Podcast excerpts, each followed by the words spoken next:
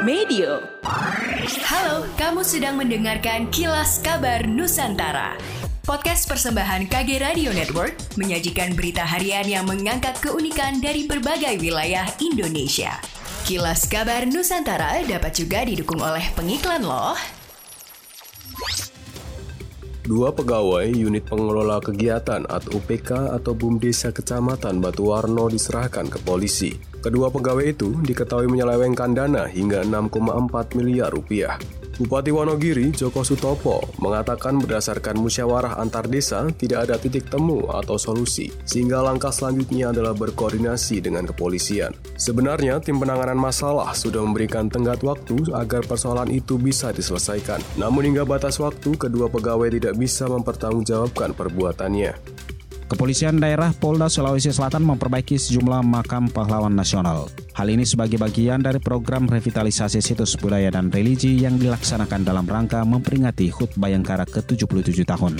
Kapolda Sulawesi Selatan Irjen Pol Setio Budi Mumpuni Harso mengatakan ada tiga tempat yang menjadi fokus program revitalisasi situs dan semuanya makam pahlawan nasional. Di antaranya makam Pangeran Diponegoro, makam Syekh Yusuf, dan makam Sultan Hasanuddin di Goa. Dia menjelaskan perbaikan makam pahlawan nasional meliputi pengecatan tembok, gapura, kubah, dan area sekitar makam serta pemasangan spanduk dan baliho di area makam. Tujuannya untuk menjaga kebersamaan, menjaga toleransi dan budaya. Aparat Kepolisian Polda Sumatera Selatan melakukan investigasi terkait peristiwa terbakarnya sebuah kapal tunda takbot penarik tongkang batubara di perairan Kabupaten Banyuasin.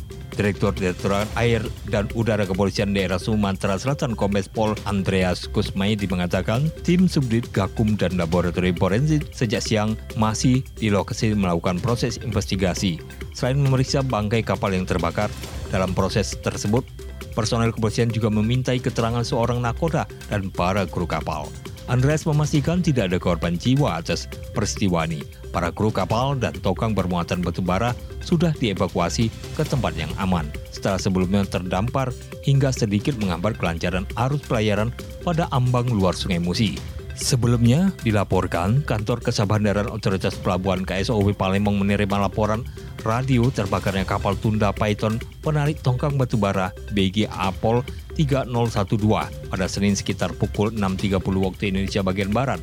Kepada petugas KSOP Nahkoda kapal tunda Python melaporkan terbakar saat melintas di ambang luar Sungai Musi, Kabupaten Banyu Asin, Sumatera Selatan. Akibat kebakaran kapal pengangkut tongkang bermuatan bahan baku mineral batu bara dari Palembang dengan tujuan Indramayu, Jawa Barat itu sempat terdampar. Pansus penyelesaian tiga pasar DPRD Kota Malang menggelar audiensi dengan pedagang pasar besar pada Selasa 4 Juli di ruang rapat internal. DPRD Kota Malang audiensi ini dilakukan terkait dengan rencana pembangunan pasar besar Malang yang sudah direncanakan.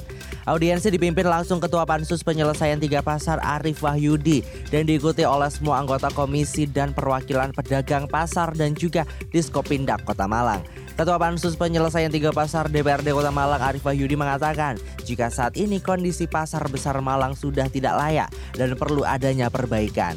Karenanya dibutuhkan kesepakatan bersama antara pedagang dengan pemerintah terkait dengan realisasi hal tersebut. Dinas Pertanian dan Peternakan Provinsi Sulawesi Utara menyampaikan antisipasi pencegahan terhadap wabah flu babi di Sulawesi Utara terus dilakukan. Meski hingga saat ini belum ada ternak babi yang terdeteksi wabah tersebut, Dinas Pertanian dan Peternakan bersama lembaga instansi terkait telah mengantisipasinya. Pelaksana tugas Kepala Dinas Pertanian dan Peternakan Sulawesi Utara Nova Pangemanan menyampaikan, Sulawesi Utara menjadi salah satu daerah yang terancam wabah flu babi sebab di wilayah Sulawesi Tengah sudah terdeteksi kasus tersebut. Demikianlah kilas kabar Nusantara malam ini.